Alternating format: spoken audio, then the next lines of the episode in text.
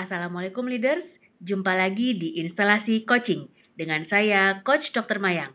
Bagaimana kabarnya perbaikan berkelanjutan di rumah sakit Anda? Nah, topik kita pada episode ketiga kali ini adalah tentang healthcare kaizen. Selamat menikmati.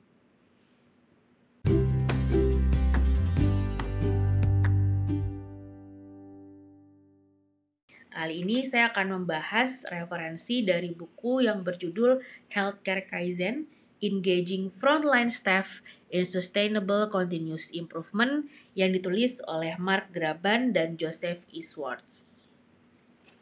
Buku ini memang uh, terbitannya cukup lama, uh, tahun 2012. Namun karena di dalamnya membahas secara spesifik namun juga sederhana tentang dasar-dasar Kaizen sekaligus contoh-contohnya yang menurut saya masih relevan, masih amat sangat relevan dalam kondisi kita di masa pandemi saat ini, maka saya memutuskan untuk membahas buku ini bersama Bapak dan Ibu agar kita bisa belajar bersama-sama baik yang belum pernah mendengar tentang Kaizen di rumah sakit maupun yang sudah pernah mengerjakan Kaizen di rumah sakit. Mudah-mudahan sama-sama merefreshing kembali dan memberi semangat kembali uh, untuk kita mengaktifkan kembali Kaizen di rumah sakit masing-masing sebagai salah satu bentuk continuous improvement uh, yang sangat kita butuhkan dalam dalam kondisi seperti sekarang ini. Baik, secara garis besar, buku ini terbagi menjadi tiga bagian besar, readers. Uh, penulis membagi menjadi bagian pertama adalah What is Kaizen. Uh, bagian kedua tentang Kaizen Methodologies, dan bagian ketiga tentang Kaizen Lesson Learns. Di setiap section atau di setiap bagian tersebut terdiri atas banyak chapter. Tentu saja saya tidak akan bisa membahas semua chapternya, namun saya akan coba pilihkan Eh, chapter-chapter yang penting untuk pemahaman dasar, kemudian juga mungkin bisa memberikan inspirasi untuk bagaimana Bapak dan Ibu leaders dapat mulai mempraktekkan Kaizen atau mengaktifkan kembali Kaizen di rumah sakitnya masing-masing dalam kondisi dunia kita yang sudah berubah seperti sekarang ini. Baik, selamat menikmati episode 3 ini tentang Healthcare Kaizen.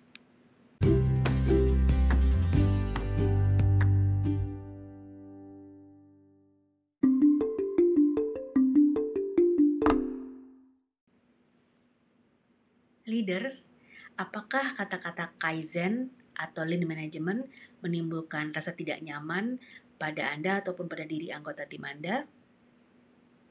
Perbaikan berkelanjutan apa yang masih berjalan sampai saat ini di rumah sakit Anda?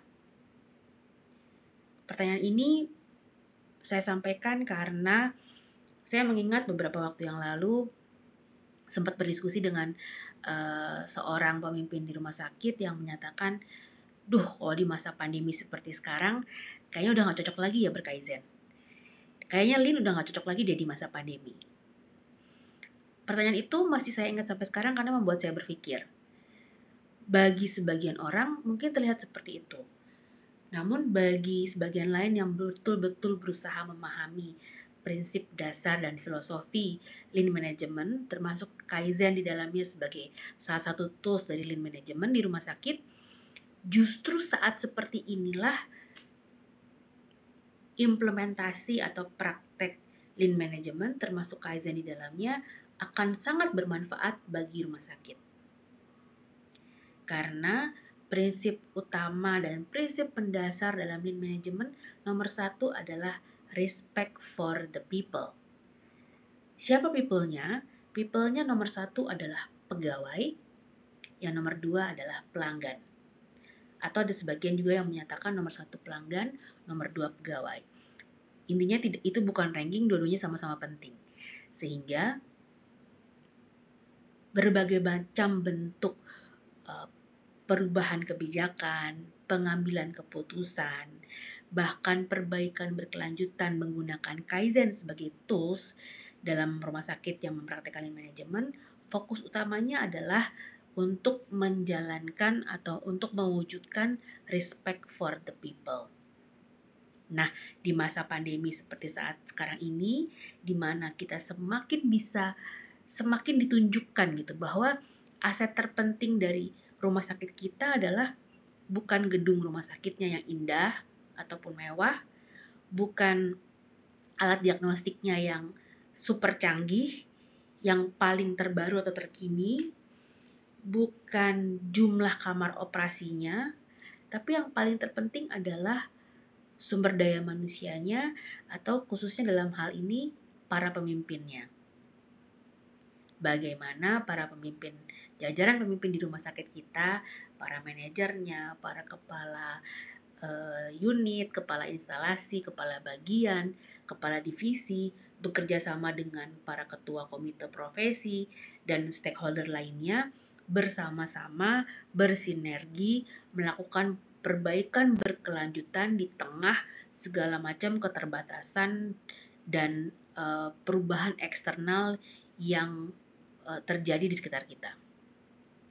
Nah, kalau gitu, mari kita kembali lagi ke akar dari eh, kata-kata uh, kaizen.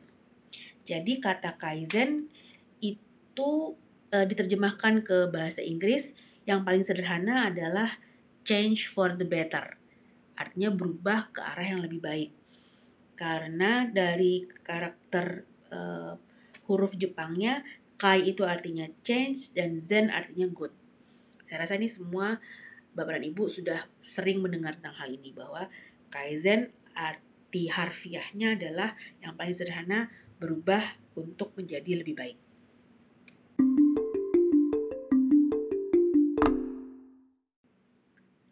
Dalam buku ini disebutkan, a kaizen is a small improvement that is made by those who do the work. It is a small, low cost, low risk improvement that can be easily implemented. Kaizen is an ongoing methodology and philosophy for challenging and empowering everyone in the organization to use their creative ideas to improve their daily work. Jadi, pada prinsipnya Kaizen adalah perubahan kecil-kecil yang berisiko rendah namun terjadi berkelanjutan dan dilakukan secara menyeluruh dan sistemik di seluruh komponen rumah sakit. Uh, dengan ber, ber, bermodalkan atau menekankan pada ide-ide kreatif para pelaksana yang mengerjakan pekerjaan tersebut. Jadi, ketika akan melakukan perbaikan di suatu area atau suatu gemba, maka ide terbaik untuk melakukan perbaikan pasti datangnya dari orang yang memang bekerja di Gemba tersebut. Kemudian eh, contoh sederhananya ini ada salah satu kaizen yang sangat sederhana. Ada perawat endoskopi, perawat endoskopi pediatrik yang uh, sorry perawat USG perawat USG uh, eh, untuk pediatrik yang selama ini selalu mengalami masalah ketika mau meng USG pasien bayi bayi dan balita. Karena mereka kan gerak-gerak ya terutama balita. Nah uh, kemudian sementara kalau dipegang dipaksa kalau bahasa bahasa kitanya direjeng gitu ya kalau dipegang atau dipaksa uh, malah semakin meronta-ronta dan semakin menangis Ide sederhana yang ia miliki untuk memudahkan pekerjaan perawat ini sekaligus meningkatkan kualitas hasil USG-nya adalah dia menyediakan maaf bubbles. Balon tiup balon gelembung uh, sabun itu loh. Jadi sebelum dia mulai USG dia tiup dulu balon pakai gelembung sabun. Nanti bal bal balitanya kan akan akan apa akan fokus melihat gelembung-gelembung sabun tersebut dan menjadi lebih tenang. Sehingga dia perawat tersebut dapat melakukan USG dengan lebih baik uh, pekerjaannya juga lebih mudah karena nggak harus uh, melawan balita yang meronta-ronta dan kualitas pekerjaannya menjadi lebih baik. Satu ide ide kreatif yang sangat sederhana namun efektif dipikirkan oleh perawat itu sendiri di gembanya ia sendiri dan kemudian kaizen pada prinsipnya akhirnya kata kaizen sinonim dengan continuous improvement karena kaizen bukan sekedar change, bukan sekedar perubahan, kaizen adalah berubah untuk menjadi lebih baik. Dan dalam tulisan yang lain di di blognya Mark Graban pernah disebutkan juga bahwa hati-hati jika uh, apa hati-hati ketika kita mendorong suatu kaizen tanpa direction yang jelas, tanpa memberikan arahan atau panduan yang jelas. Karena dalam tanda kutip kaizen-kaizen yang dilakukan secara sporadis tanpa direction yang jelas ya, itu uh, risikonya uh, tidak jadi risikonya justru akan menghambat terjadinya perbaikan berkelanjutan di organisasi tersebut.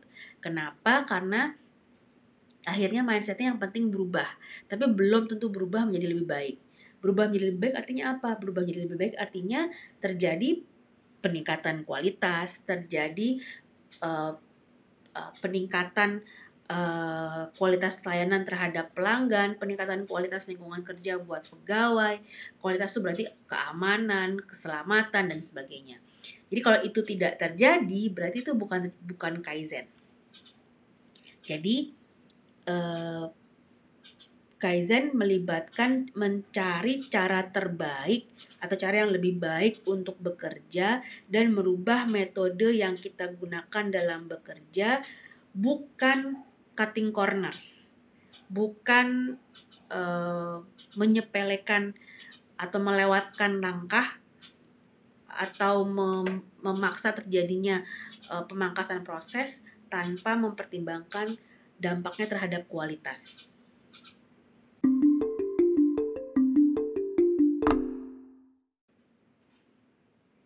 Mungkin ada sebagian dari leaders yang berpikir uh, kalau tadi masalah meniup gelembung sabun di zaman sekarang yang banyak uh, protokol kesehatan udah nggak cocok lagi. Iya, memang.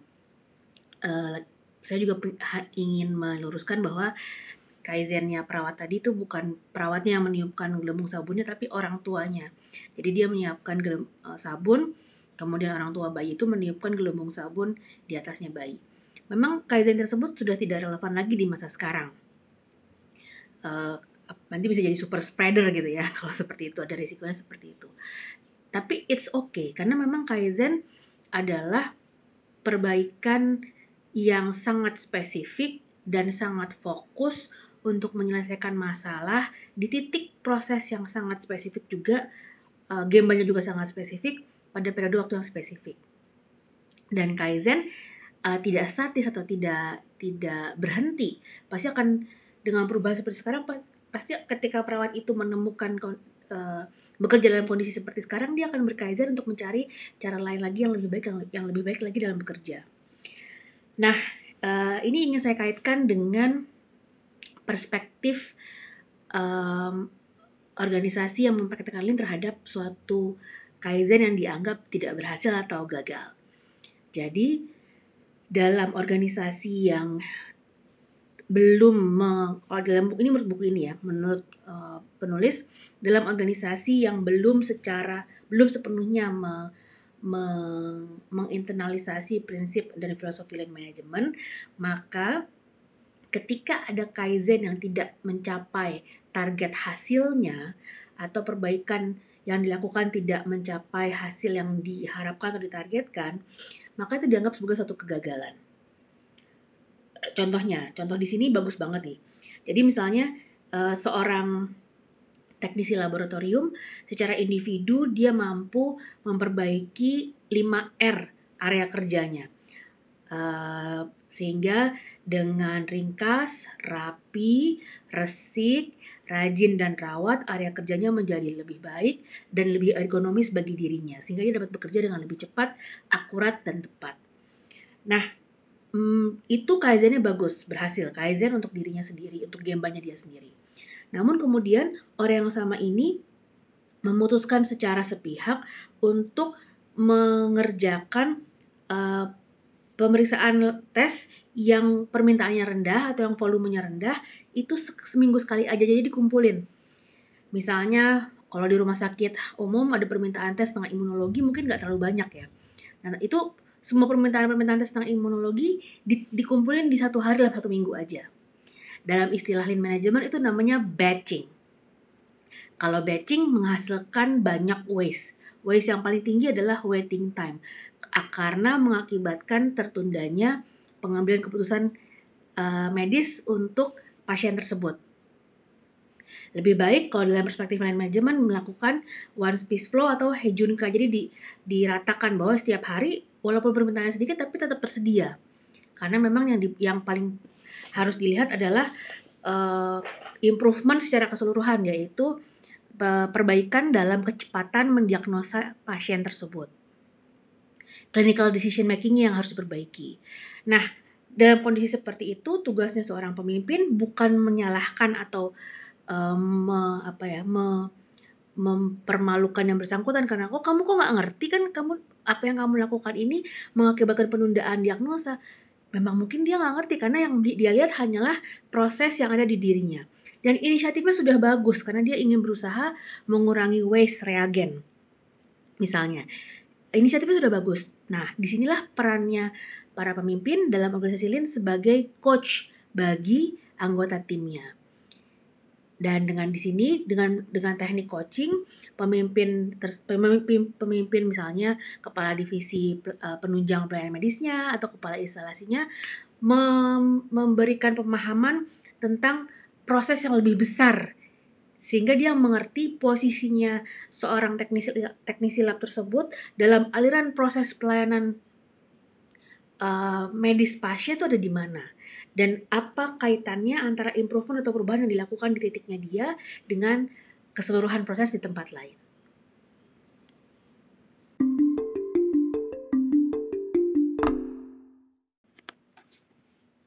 Salah satu poin penting dalam mempraktikkan kaizen adalah mengubah sudut pandang atau cara melihat suatu kegagalan. Kegagalan dalam lean management dan kaizen harus dilihat sebagai sumber pembelajaran. Jadi uh, failure is not to be stigmatized but to be learned from, to be learned from. Jadi uh, ketika melakukan kaizen apakah hasilnya sukses ataupun gagal?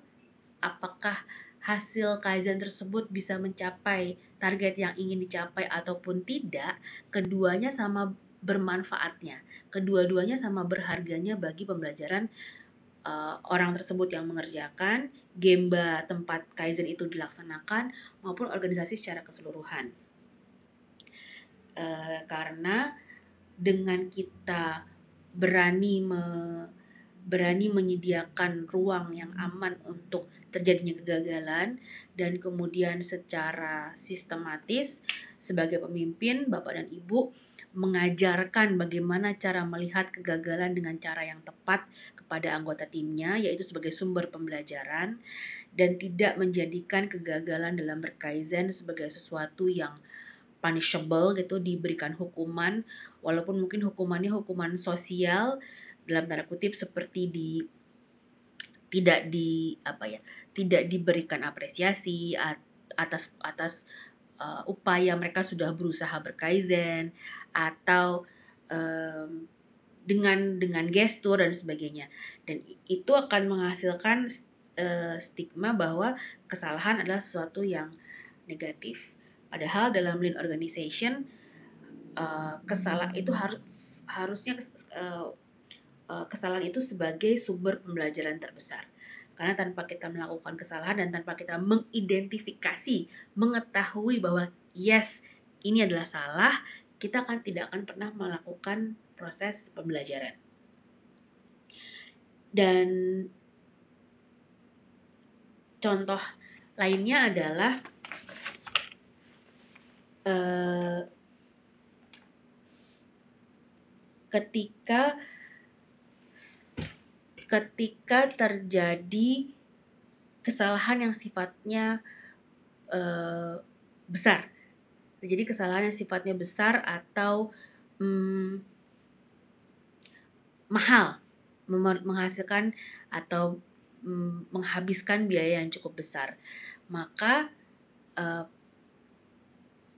sudut pandangnya adalah melihat itu menjadi kumpulan dari masalah-masalah kecil yang belum terselesaikan. Maka breakdownnya akan menjadi beberapa potensial kaizen. Jadi pada prinsipnya masalah yang besar atau masalah yang sifatnya strategik itu sebenarnya terdiri atas kumpulan masalah-masalah kecil yang belum terselesaikan.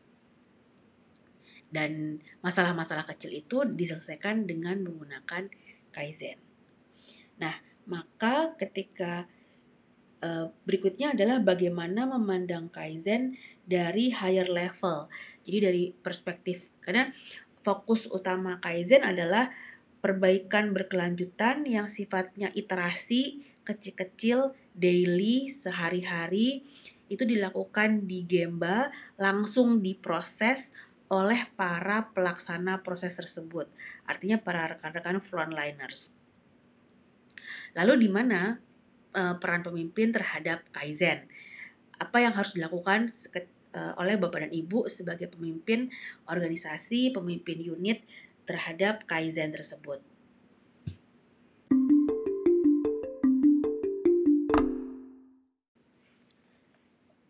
Dalam high level Kaizen atau Kaizen dari perspektifnya pemimpin, ini yang disebut dengan Kaizen mindset.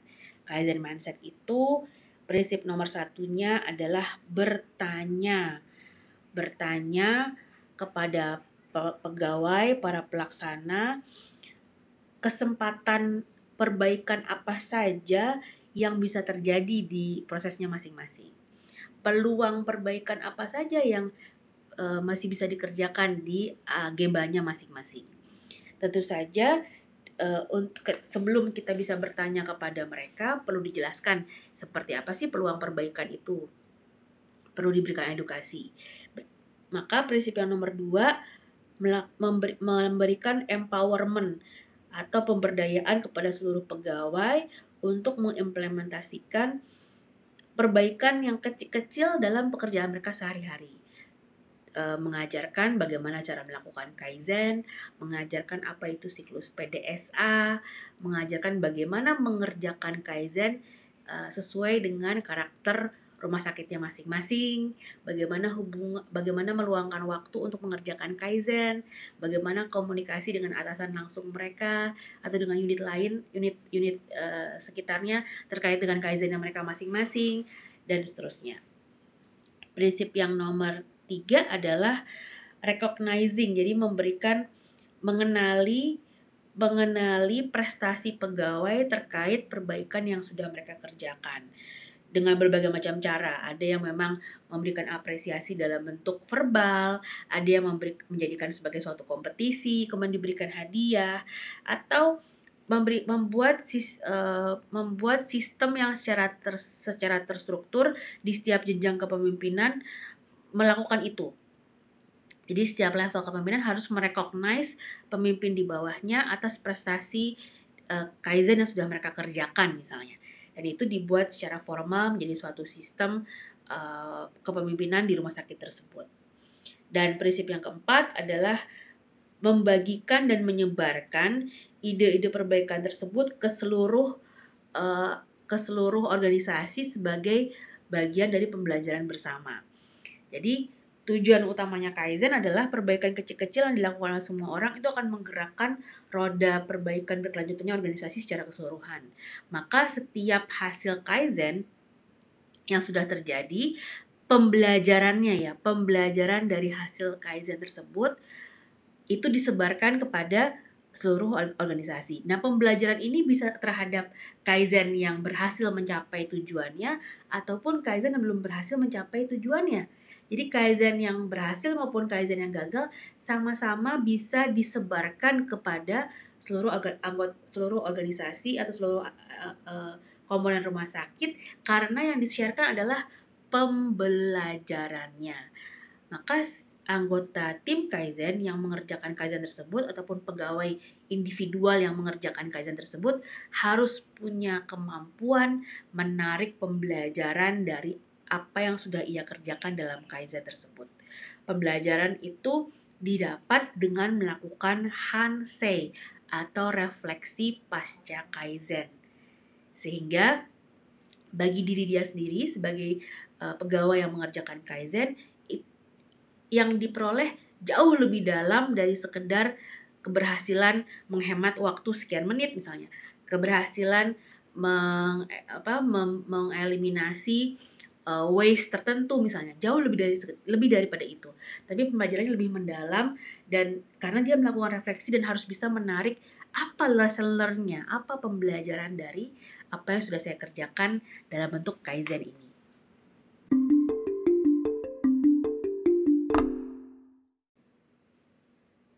Kaizen juga berarti perubahan yang memberikan makna, memberikan makna yang mendalam bagi orang yang mengerjakan kaizen itu sendiri maupun bagi orang lain yang dalam tanda kutip menikmati hasil kaizennya.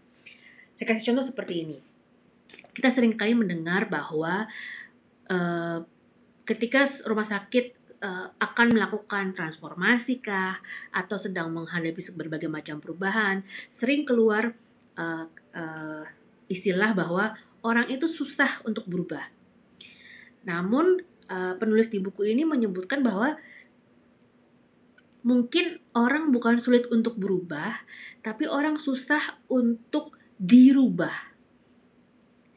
Nah, ini cocok banget dengan um, dengan apa yang saya alami ketika saya uh, menjalani atau berusaha mengimplementasikan, mempraktikkan lean management ini di rumah sakit. Kemudian sekarang saya menjalani profesi sebagai seorang coach. Bahwa satu-satunya yang bisa mengubah seseorang adalah orang itu sendiri. Komitmen dia dirinya terhadap dirinya sendiri untuk melakukan sesuatu yang berbeda daripada yang sebelumnya. Uniknya dengan Kaizen,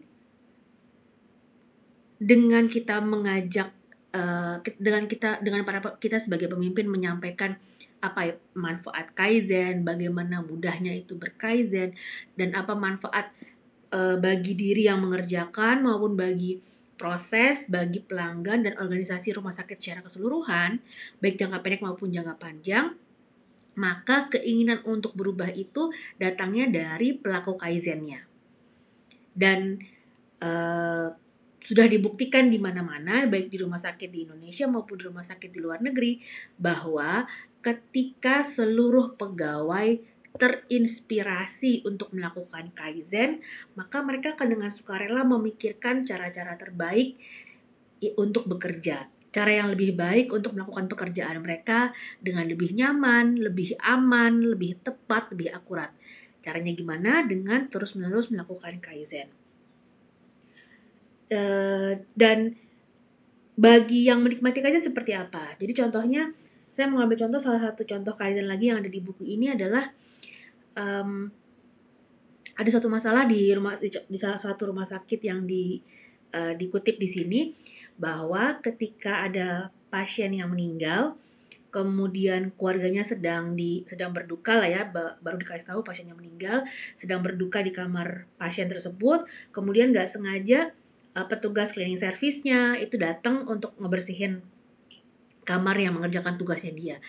Uh, jadi dan dalam hal itu mengganggu keluarganya yang sedang berduka. Nah ini nggak ada yang salah karena petugas cleaning service-nya memang sedang mengerjakan tugasnya dan itu memang jamnya dia harus uh, rutenya dia untuk mengerjakan uh, membereskan kamar tersebut.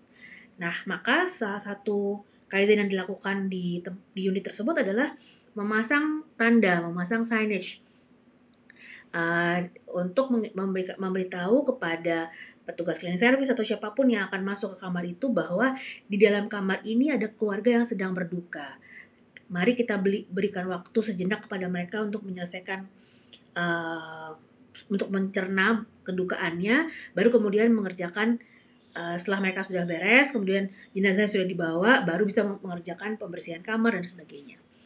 Hal kecil sederhana tapi berdampak besar bagi pasien yang merasakan um, contoh yang kalau di masa ini di masa pandemi seperti apa leaders? Tentu Anda punya banyak sekali contoh perbaikan kecil-kecil yang tapi dampaknya besar yang dirasakan baik oleh tim uh, medis pelaksana di lapangan maupun oleh pasien yang dirawat.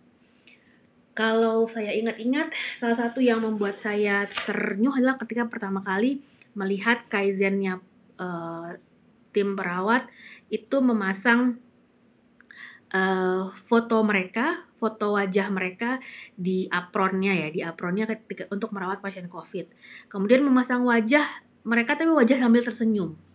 Atau kalau yang nggak punya foto digambar pakai spidol aja di apronnya mereka sehingga uh, pasien yang sedang pasien COVID itu sedang sedang dirawat itu merasa uh, ada friendly face, ada wajah yang tersenyum di balik masker tersebut. Dan ini adalah ini adalah contoh kaizen yang sangat bermakna. Selain meningkatkan memperbaiki aliran informasi, namun juga mengurangi kecemasan pasien atau ketegangan pasien COVID yang mungkin merasa, merasakan merasa sendiri dan terisolasi. Dan hal yang sangat sederhana ini merupakan salah satu bentuk kaizen yang bermakna.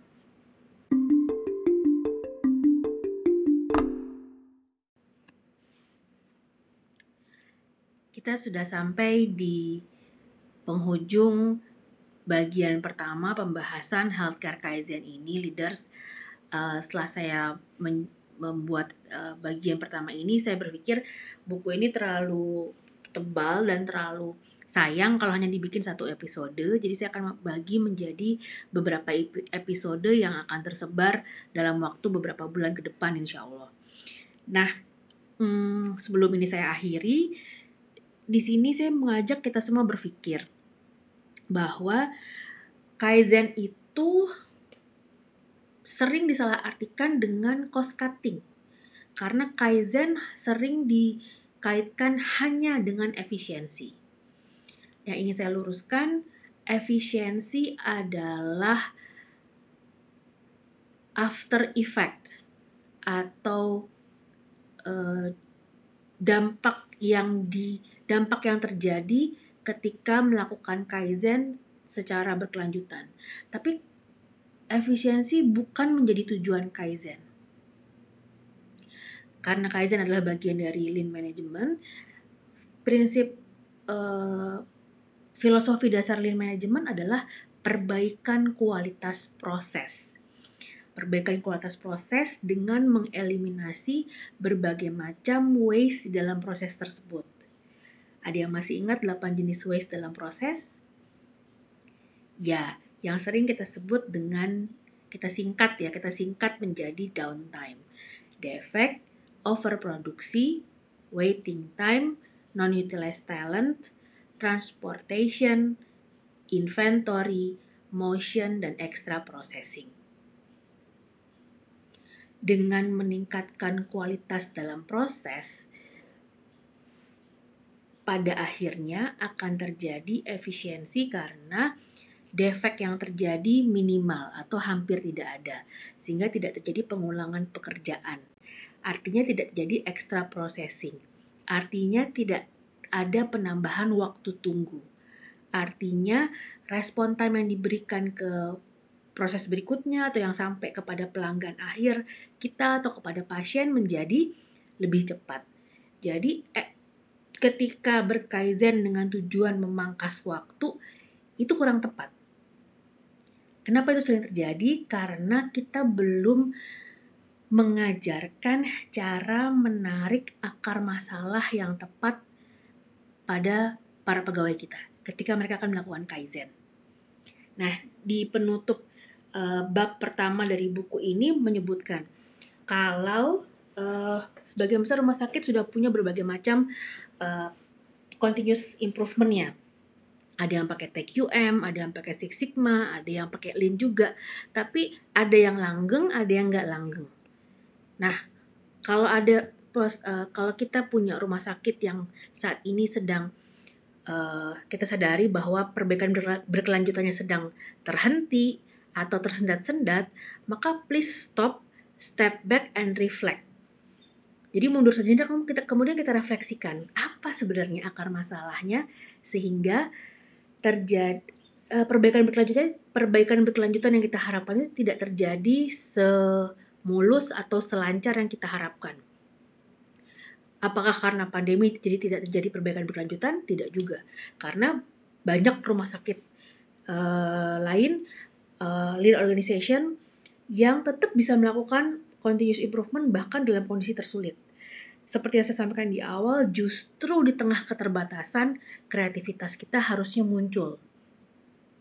Nah, tinggal diarahkan kreativitas seperti apa yang tepat uh, untuk menjadi kaizen sehingga terjadi peningkatan kualitas dalam proses. Jadi kalau ada yang yang, yang disebut dengan change for the better di awal tadi adalah betternya apa? Peningkatan kualitas dalam proses. Kalau prosesnya tidak meningkat kualitasnya, maka belum terjadi kaizen. Nah, ini harus kembali lagi e, mencari apakah sudah tepat mengidentifikasi akar masalah dari proses tersebut. Sehingga e, dapat dihasilkan dapat dilakukan kaizen yang memang mengarah ke untuk mengeliminasi akar masalahnya.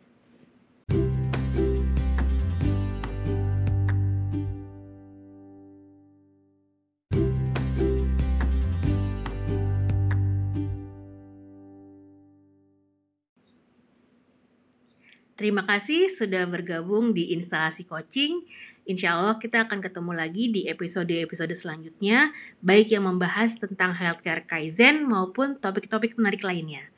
Wassalamualaikum warahmatullahi wabarakatuh. Dengan saya Coach Dr. Mayang.